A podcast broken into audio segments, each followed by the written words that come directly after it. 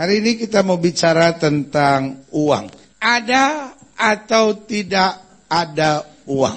Setiap orang tidak pernah merasa cukup. Uang itu adalah satu keadaan di mana orang sulit untuk merasa cukup. Makanya selalu saya bilang, ada orang yang gajinya satu juta setengah, merasa pendeta, saya hidup kurang. Ada orang yang gajinya dua juta setengah, merasa ya lumayan sih, tapi masih kurang. Ada orang yang gajinya 5 juta bilang lumayan hidup saya tapi kalau bisa lebih puji Tuhan. Ada orang yang gajinya 10 juta dan bilang saya percaya orang benar diberkati, Tuhan berkati saya lebih lagi. Ada orang yang gajinya 25 juta dan bilang saya bersyukur buat anugerah Tuhan ini dan saya sangat bersyukur. Tapi kalau Tuhan berkati saya lebih, saya akan tambah bersyukur. Jadi, kapan sebetulnya seorang bilang puas? Sulit. Karena sampai hari ini masih ada orang yang hidup dengan 750 ribu sebulan, anaknya tiga, belum mati sampai sekarang. Mungkin sebagian sudah menantang saya dan bilang, aduh pendeta, saya nggak bisa bayangin kalau saya punya anak tiga, lalu mesti hidup pakai 750 ribu, aduh mati saya. Belum, dia belum, belum mati. Bener, belum mati sampai sekarang saudara. Dan ini yang mungkin saya harus jelaskan buat saudara. Sampai hari ini dia masih bisa tertawa tiap hari. Ya kan? Karena yang saya mau tegaskan buat saudara, bicara tentang uang ini bicara tentang sesuatu yang menarik. Kenapa saya bilang bicara tentang sesuatu yang menarik? Karena uang ini dalam posisi netral. Ada banyak orang berkata uang itu jahat. Saya bilang uang itu tidak jahat. Amin. Setiap orang butuh uang. Ada orang yang jadi baik karena u uang. Tapi ada orang yang jadi jahat justru karena uang. Nah, hari ini kita mau bahas uang itu berkat atau jahat. Amin. Pengkhotbah pasal 5. Itu kita mau mulai dari situ. Pengkhotbah pasal 5 ayat yang ketujuh. Kalau engkau melihat dalam suatu daerah orang miskin ditindas dan hukum serta keadilan diperkosa, kira-kira seperti bangsa kita, janganlah heran akan perkara itu. Jadi Alkitab itu hebat ya. Kita kadang-kadang pikir orang miskin ditindas, Alkitab sudah bilang karena pejabat tinggi yang satu mengawasi yang lain. Begitu pula pejabat-pejabat yang lebih tinggi mengawasi mereka. Maksudnya orang-orang dalam dunia kepejabatan sering kali hanya pikirkan kepentingan mereka. Itu Alkitab udah ngomong. Satu keuntungan bagi negara dalam keadaan demikian ialah kalau rajanya dihormati di daerah itu. Maksudnya kalau ada orang miskin kan kalau uh, pejabatnya datang kan dihormati gitu ya kan ayat 9. Siapa mencintai uang tidak akan puas dengan uang. Artinya uang itu makin dikejar, makin lari. Dan siapa yang mencintai kekayaan tidak akan puas dengan penghasilannya. Ini pun apa? Sia-sia. Dengan bertambahnya harta, bertambah pula orang-orang yang apa? Makin selalu banyak uang, makin banyak pengeluaran. Betul? Saudara punya uang 3 juta setengah, tiba-tiba naik gaji jadi 4 juta. Lebih 500 nggak? Kan saudara tadinya gaji saudara 3 juta setengah. Hidup kan saudara kan? Bukan setiap hari mati anak satu enggak kan? Tiga juta setengah hidup kan? Sampai akhir bulan kan? Waktu sudah dapat 4 juta lebih nggak 500 ribu? Enggak, kurang lagi. Sampai sudah bingung. Sebetulnya tuh duit ke mana sih? Dan sering kali suami istri berkelahi soal ini. Papa uang dipakai apa aja sih? Nah mama duit dipakai apa aja? Duit habis aja, duit habis aja kayak air. Akhirnya ribut. Alkitab udah bilang nih. Dengan bertambahnya harta, bertambah pula orang-orang yang apa? Menghabiskannya. Dan apakah keuntungannya pemiliknya selama selain daripada cuma ngelihat enak tidurnya orang yang bekerja, baik ia makan sedikit maupun banyak, tapi kekenyangan orang kaya sekali-kali tidak apa? Tuh, artinya orang miskin tidurnya lebih enak. Orang miskin kalau dia tidur terus bunyi ngik ngik ngik kucing dia bilang. Tapi orang kaya kucing lewat pun dia aduh dalam nama Yesus. Oh Tuhan, jangan sampai maling copet. Kalau orang miskin dia pikir gini, ya sesama miskin apa yang lo mau copet? Eh, Makanya coba salah lihat. Kalau orang-orang kayak kuli-kuli gitu ya, orang pekerja-pekerja kasar, itu kalau di bus dia langsung gini nih. Tapi orang kalau pakai jam tangan, pakai kalung, nggak bisa tidur kan gitu. Tuhan biar ada malaikat penjaga kalung, biar ada malaikat penjaga jam tangan, dan juga cincin Tuhan biar ada malaikat khusus yang menjaga cincin. Tuhan bilang, ini orang macam-macam aja cincin lah, minta ada malaikatnya untuk jaga. Tuyul juga nggak mau tuh cincin, ya kan? Nabi Alkitab bilang, Kekenyangan orang kaya sekali-kali tidak membiarkan dia tidur. Ada kemalangan yang menyedihkan kau lihat di bawah matahari. Kekayaan yang disimpan oleh pemiliknya menjadi apa?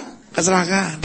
Saya suka dengar nggak orang bilang gini, e, ya saya nabung-nabung, siapa tahu nanti kalau ada kayak kebakaran di rumah, saya nabung-nabung, siapa tahu ada anak sakit, kan kita ada uang untuk bayarnya. Untung aja waktu kita nabung. Buktinya sekarang benar kan anak kita sakit, ya kan? Nah itu yang kita bilang. Makin kekayaan disimpan, makin menjadi apa? Kecelakaan untuk dirinya sendiri. Saya tidak bilang orang Kristen nggak boleh nabung ya. Saudara boleh nabung kalau sudah punya target sesuatu. Tapi jangan pernah nabung sambil mikir gini, ya udahlah pendeta saya simpen-simpen duit, siapa tahu nanti kalau uh, bapaknya anak-anak tiba-tiba udah nggak bisa kerja lagi, kakinya kelindes kereta, ah, terjadi tuh, terjadi tuh. Ya pendeta saya beli rumah, ya walaupun kecil ya, saya belilah satu gitu karena anak saya kan yang perempuan satu-satunya. Siapa tahu ya namanya orang sekarang kan susah kerjaan. Siapa tahu nanti dia kalau punya laki, kebetulan lakinya nggak kerja, jadi kan udah punya rumah. Bener dia dapat karena itu doa saudara. Itu doa saudara itu yang saudara imanin sampai saudara beli rumah. Saudara mau beli rumah buat anak saudara boleh. Tapi otak saudara jangan negatif. Karena kita bilang apa yang kutakutkan itulah yang yang terjadi, yang menimpa aku. Dan Alkitab udah bilang, makin kita simpan justru mendatangkan apa? Kecelakaan. Jadi kalau sudah simpan untuk sesuatu yang positif. Iya saya mau beli mobil baru. Saya mau simpan supaya saya bisa kirim anak saya sekolah ke luar negeri. Jadi itu. Tapi kalau sudah, ya pendeta kan namanya sekarang banyak penyakit, pendeta siapa tahu anak saya ntar keserang muntaber lah, ya kan siapa tahu nanti uh, bapaknya anak-anak kena flu burung lah, ya kan. Malaikat bilang, eh dia kepengen. jadi, jadi, ya kan. Dan kalau kita mau jujur sering tuh, sering tuh kejadian begitu-begitu tuh. Kenapa? Karena tanpa kita sadari kita udah buka celah untuk kutuk masuk dalam keluarga kita. Makanya kita bilang, kekayaan yang disimpan oleh pemiliknya menjadi apa? Kecelakaannya sendiri. Dan kekayaan itu binasa oleh apa? Kemalangan. Sehingga tidak ada satupun padanya untuk apa? Untuk anaknya. Akhirnya itu untuk bayar malapetaka-malapetaka itu. Sebagaimana ia keluar dari kandungan ibu, demikian juga ia akan pergi. Telanjang seperti ketika ia datang dan tak diperolehnya dari jeripayanya suatu pun yang dapat dibawanya dalam tangannya. Ini pun kemalangan yang menyedihkan. Sebagaimana ia datang, demikian pula ia akan pergi. Apakah keuntungan orang tadi yang telah berlalah menjaring angin? Malah sepanjang umurnya ia berada dalam apa? Kegelapan dan kesedihan, mengalami banyak kesusahan, penderitaan dan kekesalan. Jadi kalau duit menjadi fokus kita, ya kan? Nah, kalau sudah lihat dalam Mazmur dikatakan begini, kebajikan dan kemurahan Tuhan belaka yang akan mengikuti aku. Amin. Jadi target Tuhan dalam hidup kita jelas, jangan sampai uang ada di depan, uang harus ada di belakang kita. Amin. Karena kalau uang yang ada di depan kita, kita yang harus kejar uang. Tapi kalau uang ada di belakang kita, kita berjalan ke mana pun berkat Tuhan menyertai kita. Amin. Nah sekarang setelah lihat Amsal 17, Amsal 17 ayat 16. Apakah gunanya uang apa? Di tangan orang bebal. Untuk membeli hikmat, sedang ia tidak berakal budi. Jadi dengan lain kata, kuncinya bukan soal uang. Tapi bebal atau hik hikmat. Buat orang bebal, uang itu selalu kurang. Buat orang berhikmat, uang itu selalu berkat. Ya kan? Jadi kadangkala bukan soal ada uang atau tidak ada uang, tapi bagaimana kita memahami uang dalam hidup kita. Karena kalau uang kita jadikan tuan, maka uang akan jadi tuan yang jahat. Ada banyak bapak-bapak yang nggak pulang-pulang, ditanya sama anaknya, Papa kok pulang malam terus pagi-pagi udah pergi? Sayang, cari uang sayang. Anaknya bilang, Pak, saya memang butuh uang. Tapi kan saya juga butuh papa. Ada orang yang cari uang, cari uang, cari uang. Sampai akhirnya Anaknya mati umur 18 tahun karena narkoba. Ada orang cari uang, cari uang, cari uang. Istrinya lari, cari laki. Habis nggak ada laki di rumah. Lo iya, ini fakta yang terjadi. Kenapa? Karena uang itu bisa jadi tuan yang jahat. Tapi kalau uang ada di belakang kita, uang jadi hamba, maka uang itu akan menjadi hamba yang baik. Ya kan? Makanya kalau sudah lihat di sini, pangkat, uang, seks, dan harga diri, ini sering kali merupakan senjata iblis. Ya kan? Banyak orang karena pangkat menghalalkan segala cara. Banyak orang demi uang menghalalkan segala cara. Banyak orang demi menarik pasangan yang berlainan jenis, ya kan? Cari wanita atau mencari pria menghalalkan segala cara. Begitu juga harga diri demi mempertahankan harga diri. Orang rela buat apa saja. Wah pendeta orang itu udah nyakitin saya, lebih gua bunuh tuh orang, ya kan? Jadi pangkat, uang, seks dan harga diri adalah senjata iblis untuk ngancurin banyak orang. Nah, salah satunya kita mau bahas adalah uang. Saya kata di sini uang dapat diibaratkan sama dengan pisau. Tergantung bagaimana dipergunakan. Tangan siapa yang memanfaatkan. Saya mau tanya sama saudara, pisau itu jahat nggak? Jahat, bisa bunuh orang. Istri bisa tikam suaminya pakai pisau. Jadi pisau jahat nggak? Jahat, bisa bunuh orang. Bisa bunuh adik, bisa bunuh kakak, bisa cincang tangan orang. Ya kan? Jadi pisau jahat nggak? Walaupun dia punya sisi jahat. Tapi kalau nggak ada pisau, susah goreng bawang. Bawangnya jadi bunder-bunder semua. Kita makan babi sekilo-sekilo gitu. Kita makan sop ada kentangnya buru-buru-bunder. Raukin aja tuh kentang. Kita butuh pisau. Iya kan? Tergantung apa? Bagaimana dipergunakan. Tangan siapa yang memanfaatkan. Begitupun uang. Iya kan? Karena dengan uang dapat dikerjakan hal-hal yang membangun. Namun dengan uang pula dapat dikerjakan hal-hal yang merusak. Dalam 1 Timotius 6 ayat 10 dengan tegas dinyatakan. Cinta akan apa?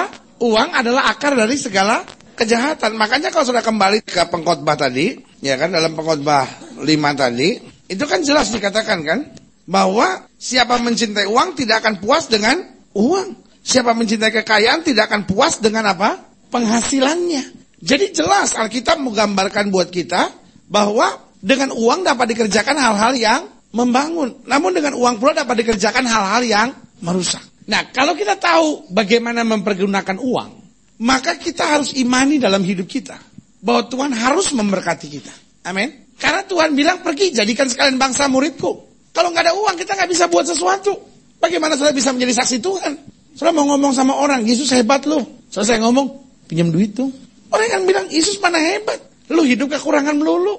Ya kan? Nah, berarti kalau kita tahu mempergunakan uang dengan baik, Tuhan harus memberkati kita. Tapi kalau kita nggak bisa dipercaya, sama seperti kalau pembantu datang ke rumah, sudah harus kasih pisau ke pembantu. Oh jangan, pembantu ini saya nggak tahu dari mana dia. Nanti kalau saya kasih pisau, gimana kalau saya nonton TV, ditusuk dari belakang. Pokoknya pembantu nggak boleh pakai pisau. Bagaimana dia masak? Ya pakai garpu aja dicocok-cocok gitu.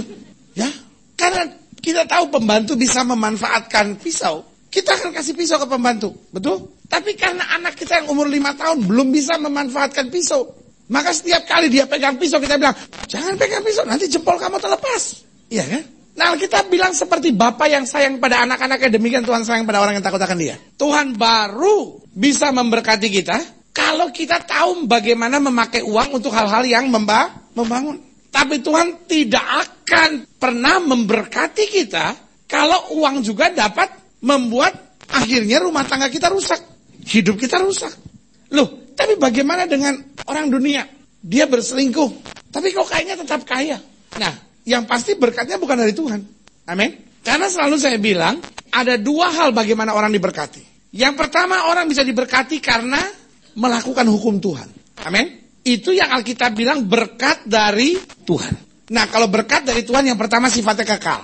Beda sama berkat dari dunia. Berkat dari dunia kadang-kala ada, kadang-kala nggak ada, kadang-kala ada, kadang-kala nggak ada. Berkat dari Tuhan yang pertama kekal. Lalu yang kedua berkat dari Tuhan dia membawa damai. Dan yang ketiga berkat dari Tuhan itu akan mengalir untuk hal-hal yang bermanfaat. Itu berkat dari Tuhan. Lalu mungkin saya menatap saya dan bilang, terus gimana sama orang yang menyembah ke Gunung Kawi dan lain-lain? Ada hukum lain lagi? Oh mereka diberkati oleh setan. Setan nggak punya berkat. Setan nggak punya stok berkat. Semua berkat stoknya dari sor surga. Loh, tapi dia udah menyembah setan. Tapi kenapa dia masih diberkati? Ingat, ada yang pertama hukum Tuhan. Tapi yang kedua ada namanya hukum alam. Kalau sudah jaga kesehatan, saudara akan panjang umur. Itu hukum alam. Walaupun saudara nggak percaya Tuhan, tapi kalau saudara jaga kesehatan, saudara pasti panjang umur. Tapi kalau saudara dekat sama Tuhan, tapi kerjaannya begadang, makan nggak ada aturannya, segala macam dimakan, babi lewat, babi digigit, kambing lewat, langsung dibakar sama dia. Pokoknya nggak ada teratur-teraturnya. Walaupun dia dekat Tuhan, dia cepat mati. Walaupun dia dekat Tuhan, dia bisa sakit. Walaupun dia tolak roh penyakit. Tapi karena dia melanggar hukum, hukum malam. Coba saudara, malam-malam jam 2, keluar, buka baju, naik motor. Terus berdoa, Tuhan, bungkus aku dengan darahmu. Terus jalan keliling-keliling, sampai Bandung. Itu kalau nggak bengek aja mujizat. Loh, berarti darah Yesus nggak berkuasa dong. Bukan darah Yesus nggak berkuasa. Loh, oh, on. Karena kita melanggar hukum Hukum malam. Sering dengar nggak kalau paranormal ngomong? Ini kita kasih cincin. Cincin ini setiap malam Jumat harus direbus di air bakaran kemenyan. Nah, Selama sebulan Bapak kerjakan itu. Habis itu Bapak kerja keras. Apa pun yang Bapak kerjakan berhasil. Ya, bukan air kemenyannya, kerja kerasnya. Betul nggak? Iya kan? Jadi semua tuh intinya begitu. Cuman orang tuh kadang-kala punya confidence gitu. Oh iya saya udah punya ini, jadi saya pasti berhasil ya. Saya pasti berhasil ya. Tapi bedanya sama anak Tuhan. Anak Tuhan udah berdoa, Tuhan, aku udah doa. Saya mau santai-santai, Tuhan yang kerja. Malaikat bilang, lu yang punya perusahaan. Gue yang suruh kerja. Terpas gajian lu yang ambil. Kan boceng linya orang Kristen kan gitu kan. Kita yang punya perusahaan, yang kita suruh kerja Tuhan, masih mending kalau duitnya untuk Tuhan. Duitnya buat kita. Tuhan, di sorga kan tidak ada hero. Di sorga kan tidak ada matahari. Aku masih membutuhkan semuanya itu. Diambil uang dilempar ke atas. Apa pun yang Tuhan mau, ambil semuanya. Yang Tuhan udah nggak perlu, Tuhan kembalikan ke bawah. Semua yang di bawah dia ambil punya dia, dia bilang. Jadi, ini yang saya mau tegaskan buat saudara. Bahwa orang bisa diberkati dua. Yang pertama berkat dari itu Tuhan. Tapi yang kedua karena hukum alam. Orang yang melakukan hukum alam harus mendapat hasil. Iya kan? Nah ini bedanya. Cuman hukum alam ini kan fluktuatif. Iya kan? Gak akan kekal, gak, gak, gak bisa menjamin damai. Tetapi apa pun yang dari Tuhan, ini yang luar biasa. Amin. Nah makanya untuk yang yang dari Tuhan berlaku hukum ini. Kalau kita tahu mempergunakan uang untuk hal-hal yang membangun, kita akan diberkati. Tapi kalau kita gagal memahami uang untuk hal-hal yang membangun sehingga merusak, Tuhan akan tahan. Apa pun harganya, Tuhan akan tahan. Tuhan akan tahan. Karena Tuhan tidak akan biarkan kita anaknya main pisau sementara kita nggak tahu how to use the knife. Kita nggak tahu bagaimana mempergunakan pisau. Pertanyaan kita sederhana. Mengapa uang dapat menjadi akar dari segala kejahatan? Mungkin saya pikir, pendeta kayaknya kok dibuat-buat ya. Masa uang aja akar dari segala kejahatan? Nah, coba saya catat di sini ada beberapa hal. Yang pertama saya pelajari, kenapa kita bilang uang adalah akar dari segala kejahatan. Yang pertama, karena uang dapat membuat seorang melupakan apa? Anugerah Allah. Coba ya, selalu lihat dua tawari pasal 26 ya. Kita bicara tentang Raja Uzia. Kita lihat ayat yang keempat. Raja Uzia ini melakukan apa yang benar di mata Tuhan. Hebat sekali. Tepat seperti yang dilakukan Amasya ayahnya. Ia bahkan dikatakan apa? Mencari Allah selama hidup Zakaria. Yang mengajarnya supaya takut akan Allah. Dan selama ia mencari Tuhan, Allah membuat segala usahanya berhasil. Setelah mau lihat berhasil dalam hidup saudara? Setelah mau suami saudara berhasil? Cari Tuhan. Sekarang saya mau lihat orang yang sama di ayat yang ke-16. Masih cerita sama Raja Uzia. Orang yang tadinya mencari Tuhan, orang yang tadinya diberkati oleh Tuhan, setelah ia menjadi kuat, ya, ia menjadi apa? Tinggi hati. Sehingga ia melakukan hal, ah, coba lihat, lihat kan? Karena uang, karena udah hebat, pangkatnya udah bagus, karena dia udah mendapat apa yang diharapkan, ia berubah setia kepada Tuhan dan memasuki bait Tuhan untuk membakar ukupan dan sebab pembakaran ukupan. Ini cuma harusnya kerjaan imam. Tiba-tiba usia karena merasa sudah hebat, merasa kaya, merasa bisa buat apa saja, imam-imam itu udah dibayar sama dia sehingga uang dapat membuat seorang melupakan apa? Anugerah Allah. Seharusnya uang membuat kita sadar bahwa tidak ada yang kita miliki kecuali anugerah. Tapi ada banyak orang setelah dia diberkati Tuhan, akhirnya dia melupakan anugerah. Sebagai hamba Allah saya cuma mau bilang sama saudara, apalagi saudara-saudara yang sedang berjuang, apalagi saudara-saudara yang sedang diberkati Tuhan hari-hari ini. Jangan sampai uang saudara itu membuat engkau melupakan anugerah Allah. Biarlah semakin kau diberkati, kau makin tambah cinta sama Tuhan. Setiap kali engkau terima uang, ingat ini dari Tuhan. Dan setiap kali engkau terima uang, engkau harus hanya terima uang dari Tuhan, jangan dari dunia. Kalau uang hasil kejahatan, jangan kau ambil. Uang hasil yang curang, jangan kau ambil. Engkau tahu uang bukan hasil hakmu, bukan untukmu, jangan kau ambil. Kenapa? Karena itu akan membawa kutuk buat hidup kita. Tapi kalau kita tahu ya Tuhan ini anugerah yang Tuhan berikan buat saya. Aduh, berapapun yang kau terima pasti cukup. Karena kita ngerti ini anu anugerah. Coba saudara lihat Matius 26. Saya doa buat saudara supaya ada breakthrough di keuangan saudara. Supaya ada berkat-berkat luar biasa yang Tuhan mau kerjakan dalam hidup saudara. Matius 26 ayat 14. Kemudian pergilah seorang dari kedua belas murid itu yang bernama Yudas Iskariot. Kepada imam-imam kepala ia berkata, apa yang hendak kamu berikan kepadaku supaya aku menyerahkan dia kepada kamu? Coba. Ternyata persoalannya cuma sederhana. Ujung-ujungnya duit. Persoalannya ujung-ujungnya cuma duit. Dia datang ke imam-imam kepala. Apa dia lupa bahwa Yesus yang membangkitkan orang mati? Apa dia lupa Yesus yang meneduhkan gelombang? Apa dia lupa Yesus memberi makan lima ketur roti dan dua ekor ikan untuk orang sebanyak itu? Dia lupa. Karena yang dalam pikirannya cuman saya butuh uang sekarang. How can I get it? Gimana saya bisa dapat itu? Lalu dia pikir-pikir, oh ada orang yang mau menyerahkan Yesus. Oke, okay. how about I sell him? Gimana kalau saya jual dia? Oke, okay, saya akan nyerahkan. Berapa yang kamu mau berikan buat saya? Lalu imam-imam kepala bilang, you know what? Saya akan memberikan kamu 30 keping uang perak. Yang jumlahnya cukup baik pada zaman itu. Mereka membayar 30 uang perak kepadanya. Dan mulai saat itu ia mencari kesempatan yang baik untuk apa? Menyerahkan Yesus. Uang akar segala kejahatan. Karena uang dapat membuat seorang melupakan anugerah Allah. Sehingga apa yang terjadi? Uang membuat seorang yang pertama tidak hidup dalam iman. Dan yang kedua, uang bisa menjadikan orang apa? Sombong. Kaya sombong masih mending, lo udah susah sombong lagi. Kalau kaya sombong mungkin masih ada alasan. Kita udah susah sombong lagi. Yang kedua, uang dapat membuat seorang, kenapa uang dapat menjadi akar segala kejahatan? Karena saya pelajari uang dapat membuat seorang tidak menghargai pelayanan. Lain kisah Rasul, ya kan? Kisah Rasul pasal 8 ayat 18. Ketika Simon melihat, Simon ini tadinya adalah seorang penyihir.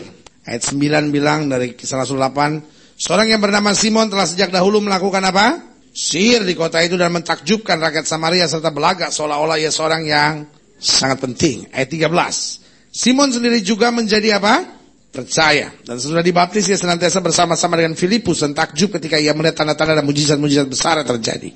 Kemudian lihat ayat 18. Ketika Simon melihat bahwa pemberian Roh Kudus terjadi oleh karena rasul-rasul itu menumpangkan tangannya, dikatakan apa? Ia menawarkan uang kepada mereka serta berkata, "Berikanlah juga kepadaku apa?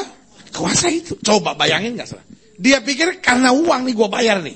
Hih, gergetan juga sih. Dia itu kan sihir. Pembesar-pembesar kota semua datang ke dia, banyak duit dia. Tapi tiba-tiba dia lihat, wih rasul-rasul kuasanya ternyata lebih hebat, tumpang tangan orang pada roh kudus. Dia bilang, Nih ya, duit ya. Tolong kasih saya kuasa yang sama dong. Oh, coba lihat. Petrus berkata kepadanya. Hmm, galak sekali Petrus ini. Binasalah kiranya uangmu itu bersama dengan engkau karena engkau menyangka bahwa engkau dapat membeli karunia Allah dengan uang. Ayat 21 jelas. Tidak ada bagian atau hakmu dalam perkara ini sebab hatimu tidak lurus di hadapan Tuhan ayat 22. Jadi bertobat dari kejahatanmu ini dan berdoalah kepada Tuhan supaya ia apa? Mengampuni niat hatimu ini. Jadi, saya lihat, uang dapat membuat seorang tidak menghargai pelayanan. Ya kan? Makanya, akar segala kejahatan cintakan uang. Uang dapat membuat seorang tidak menghargai pelayanan. Maka saya catat di sini yang pertama, orang bisa kemudian melayani hanya untuk apa? Uang. Kalau sudah lihat 1 Timotius pasal 3, syarat penilik jemaat itu jelas, bukan peminum, bukan pemarah, melainkan peramah, pendamai, bukan apa? Hamba uang. Karena ada orang yang melayani. Loh, Paulus bilang orang yang melayani dia patut menerima upahnya.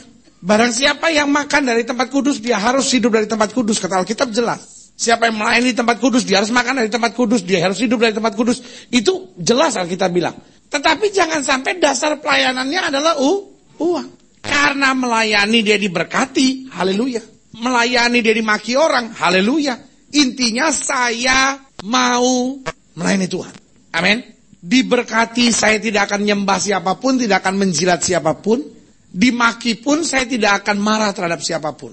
Karena dasar pelayanan bukan u, uang. Dasar pelayanan adalah anu anugerah. Uang dapat membuat seorang tidak menghargai pelayanan.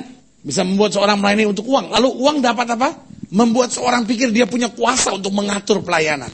Makanya saya sering kali mengkritik gereja yang menempatkan pengerja, menempatkan majelis bukan karena dia rohani, tapi karena sumbangannya besar. Sehingga ada majelis yang punya bini dua, saudara-saudara. Ada majelis yang punya kasus di pengadilan, masuk penjara, pendetanya datang doain. Bagus. Kalau pendetanya datang doain, ya kan? Tetapi dia kan nggak layak untuk menjadi seorang panutan, nggak pantas jadi seorang teladan. Kenapa? Karena sering kali uang bisa mengatur pelah pelayanan. Bagi saya yang bisa mengatur pelayanan hanyalah Tuhan. Tuhan bilang A, kita harus bilang A. Nanti kalau orang kayanya keluar nggak apa-apa kan? Daripada Tuhan bilang orang kayanya boleh masuk, saya yang keluar. Habis kita. Ya, ya. Eh, tapi saudara gue yang kasih dalam Tuhan lihat ya. Jadi di sini kita bisa ngerti sekarang kenapa Alkitab bilang cinta uang akar segala keja kejahatan. Yang ketiga. Jadi yang pertama uang dapat membuat seorang melupakan anugerah Allah yang which is very dangerous, ya kan? Uang dapat membuat seorang tidak menghargai pelayanan. Yang ketiga, uang dapat membuat seorang lupa akan apa? Fokus hidupnya. Sebetulnya dia hidup untuk apa? Ya kan? Coba lihat Amsal 28 ayat 20. Orang yang memperbanyak hartanya dengan riba, ayat yang ke-8 dulu ya. Dan bunga uang mengumpulkan itu untuk apa? Orang-orang yang mempunyai belas kasihan kepada orang-orang yang lemah. Ayat 20 sudah lihat sekarang.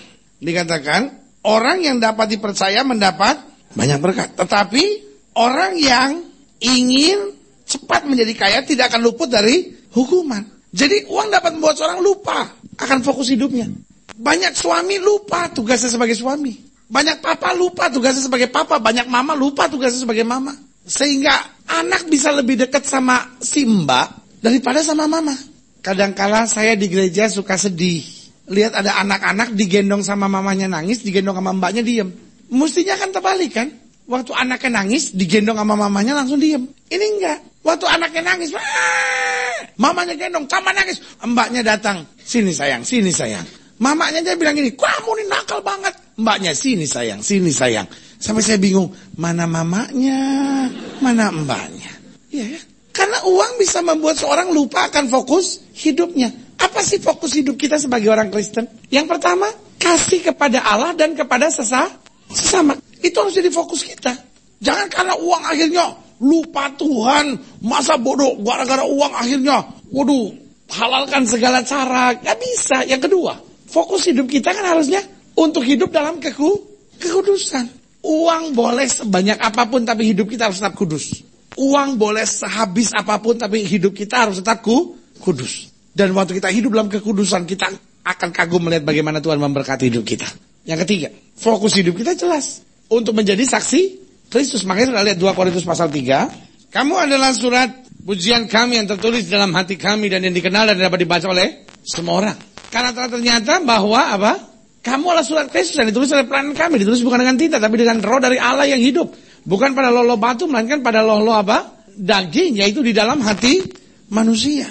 Jadi jelas ayat ini mau mau menjelaskan buat kita bahwa tugas utama kita menjadi saksi Kristus. Jadi Paulus bicara kadang-kala di tengah-tengah kekurangan. Tapi Paulus juga bicara di tengah-tengah kelimpahan. Tapi dia bilang dalam hal kekurangan, dalam hal kekenyangan, Kristus tetap yang paling utama dalam hidupku. Amin. Jadi uang ini sering kali kalau kita nggak nggak sadar, dia dapat membuat kita lupa akan fo fokus hidup kita, ya kan? Nah, selanjutnya, kenapa cinta akan uang bisa disebut sebagai akar dari kejahatan? Yang keempat saya pelajari, karena uang dapat membuat seorang lupa akan makna dari Uang itu sendiri, uang itu sebetulnya hanyalah ber, berkat. Uang itu bukan sumber. The source of all things is God. Amin. Tapi ada banyak orang sudah mulai worship money. Dan saya khawatir banyak orang hari-hari ini jadi money worshipper. Jadi orang penyembah-penyembah uang. Karena buat dia, uang telah menjadi Tuhan apa pun dia kerjakan demi mendapat uh, uang. Nah, sementara akhirnya kita lupa makna uang itu sendiri. Karena kalau sudah lihat dalam Yohanes 10 ayat 10, jelas dikatakan pencuri datang hanya untuk mencuri, memburu dan membinasakan. Aku datang supaya mereka apa? Hidup dan mempunyai dalam segala kelimpahan. Jadi dari pihak Allah, Allah pengen sekali memberkati kita. Dari pihak Allah, Allah mau sekali mencurahkan uang buat kita. Dari pihak Allah, Allah ingin sekali mempercayakan uang buat kita. Jangan sudah pikir, oh Tuhan maunya saya kekurangan, Tuhan maunya saya menderita. No, He is not. Dia mau saudara diberkati. Tetapi dia tahu kalau kita belum bisa dipercaya, ya kan? Maka dia belum bisa memberkati hidup kita. Mungkin kita cari jalan lain sih pakai hukum alam gitu. Iya kan? Kita coba rajin, kita coba usaha, kita coba jilat sana, jilat sini, kita coba dengan kepintaran kita. Ya mungkin kita bisa dapat. Tapi akhirnya itu yang kita bilang. Kita mendapat tapi dengan susah payah. Kita mendapat tapi penuh dengan keributan. Kita mendapat tapi penuh dengan kecemasan. Kita mendapat tapi nggak bisa tidur. Kita mendapat tapi penuh dengan kesia-siaan. Kenapa? Karena uang di depan kita. Tapi yang Tuhan mau, Tuhan mau mencukupi keperluan kita. Makanya selalu saya bilang, Tuhan pemberi hidup. Tuhan sum sumbernya. Dan yang kedua saya catat di sini, uang itu cuma berkat. Iya kan? Coba saya lihat Matius 6 ayat 11. Ini bagian dari doa Bapak kami. Berikan kami pada hari ini apa? Makanan kami yang apa? Secukupnya. Bicara tentang makanan itu bicara tentang apa? Bukan cuma when we eat. Tetapi segala keperluan kita. Waktu Alkitab bilang, berikanlah kami pada hari ini makanan kami yang cukupnya. Artinya Tuhan, kami percaya bahwa kami tidak akan kekurangan. Kami percaya bahwa ada berkat yang Tuhan sedih sediakan. Jadi uang itu adalah berkat berkat Allah. Nah, kalau sudah lihat sebentar dalam Matius pasal 25 ayat 14 dikatakan, sebab hal kalian surga sama seperti seorang yang mau berpergian ke luar negeri yang memanggil hamba-hambanya dan mempercayakan hartanya kepada mereka. Dikatakan apa? Yang seorang diberikannya lima talenta, yang seorang lagi dua, dan yang seorang lagi apa? Satu. Masing-masing menurut kesanggupannya lalu ia berangkat. Perhatikan kalimat ini. Masing-masing menurut kesanggupannya. Yang satu diberikan apa? lima, yang satu diberikan dua, yang satu diberikan satu. Saya coba hitung-hitung, satu talenta itu kira-kira 60 juta rupiah. Satu talenta itu masing-masing, satu talenta itu harganya kira-kira sekarang ini 60 juta rupiah. Jadi kita kan kadang-kadang, oh ini dikasih lima, dikasih dua, dikasih satu. Wah kok Tuhan kesian banget ya kasih satu. Loh, yang mau saya jelaskan di sini, Tuhan ngasihnya selalu cukup buat kita. Amin. Cuman bagaimana kita mempergunakannya. Makanya saya bilang, mengapa cintakan uang akal segala kejahatan? Karena uang dapat membuat seorang lupa dari makna uang itu sendiri. Akhirnya kita menjadi orang yang pertama kita nggak bersyukur sama Tuhan. Akhirnya kita jadi orang yang selalu bersungut dalam segala perkara. Kenapa? Karena fokus kita bukan Tuhan, how can I please you? Bukan Tuhan bagaimana saya dapat menyenangkan hatimu. Tapi bagaimana Tuhan dapat mencukupi segala keperluan saya. Saudara, kita tidak pernah akan ditinggalkan. Amin. Alkitab bilang seperti burung di udara Tuhan pelihara, apalagi orang percaya. Amin. Coba saudara lihat hari-hari kemarin saudara. Pernah mungkin tahun lalu atau dua tahun yang lalu saudara dalam kesusahan yang hebat sampai saudara pikir gini. Aduh, kayaknya saya nggak sanggup lagi deh. Saya nggak tahu bagaimana saya face tomorrow. Saya nggak tahu bagaimana saya face next week. Aduh pendeta saya tuh lima tahun yang lalu tuh dalam kondisi keuangan yang sangat buruk sekali. Toh sampai hari ini sudah masih hidup buktinya. Amin. Yang Tuhan cuma mau just put your trust in me. Dan kita akan kagum melihat apa yang Tuhan bisa kerjakan. Kalau kita mau fokus sama Tuhan. Saya mau review dulu tentang mengapa cinta uang dapat menjadi akar segala kejahatan. Yang pertama karena uang dapat membuat seorang melupakan anugerah Allah. Jadi yang saya mau ingatkan buat saudara, yang penting dalam hidup ini Tuhan, Tuhan punya anugerah dalam hidup saya. Berarti uang tidak boleh ada di depan saya, uang ada di belakang saya. Saya tahu saya tidak akan kekurangan. Berkat Tuhan akan mengalir luar biasa dalam hidup saya. Amin. Kita harus nanti saya hidup dalam iman dan hidup dalam kerendahan ha? hati. Yang kedua, mengapa cinta uang dapat menjadi akar segala kejahatan? Karena uang dapat membuat seorang tidak menghargai pelayanan. Ya kan? Dan saya mau beritahu saudara jangan pernah karena uang akhirnya mau coba atur pelayanan karena uang akhirnya uh, jadi sumber dasar kita untuk melayani tidak. Kita melayani karena Tuhan itu baik. Kalau kita diberkati kita bersyukur sama Tuhan. Kita dimaki kita tetap bersyukur sama Tuhan. Orang memberkati saudara jangan pernah menjadi penjilat. Tapi tetap hidup dalam kebenaran. Yang ketiga, kenapa cinta uang dapat menjadi akar segala kejahatan? Karena uang dapat membuat seorang lupa akan fokus hidupnya. Ada tiga fokus hidup sebagai kita orang percaya. Dan yang keempat, karena uang dapat membuat seorang lupa makna uang itu sendiri. Ingat, yang memberi hidup adalah tuh Tuhan. Berkat Tuhan selalu cukup. Amin. Mungkin saya tanya sama saya, tapi kan Alkitab bilang berkat Tuhan berkelimpahan.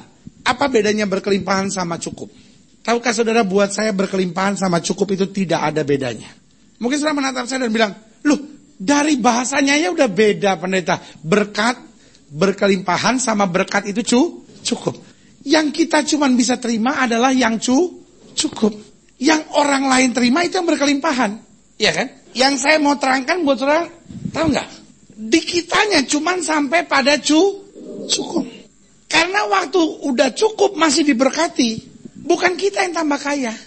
Jadi Tuhan mau berkelimpahan bukan supaya kita lebih kaya dari siapa pun. Kita kadang-kala salah mengerti konsep kelimpahan. Kita pikir kelimpahan itu saja ditambah kaya. Tidak. Berkat Tuhan buat kita cu cukup. Tapi Tuhan mau kita berkelimpahan supaya apa? Orang lain dapat turut merasakan. Supaya hidup kita berarti. Amin. Supaya kata Alkitab hidup kamu bukan meminta tetapi membe memberi. Bukan mengutang tapi memberi pinja pinjaman. Saya berdoa berkat ini mengalir dalam hidup saudara.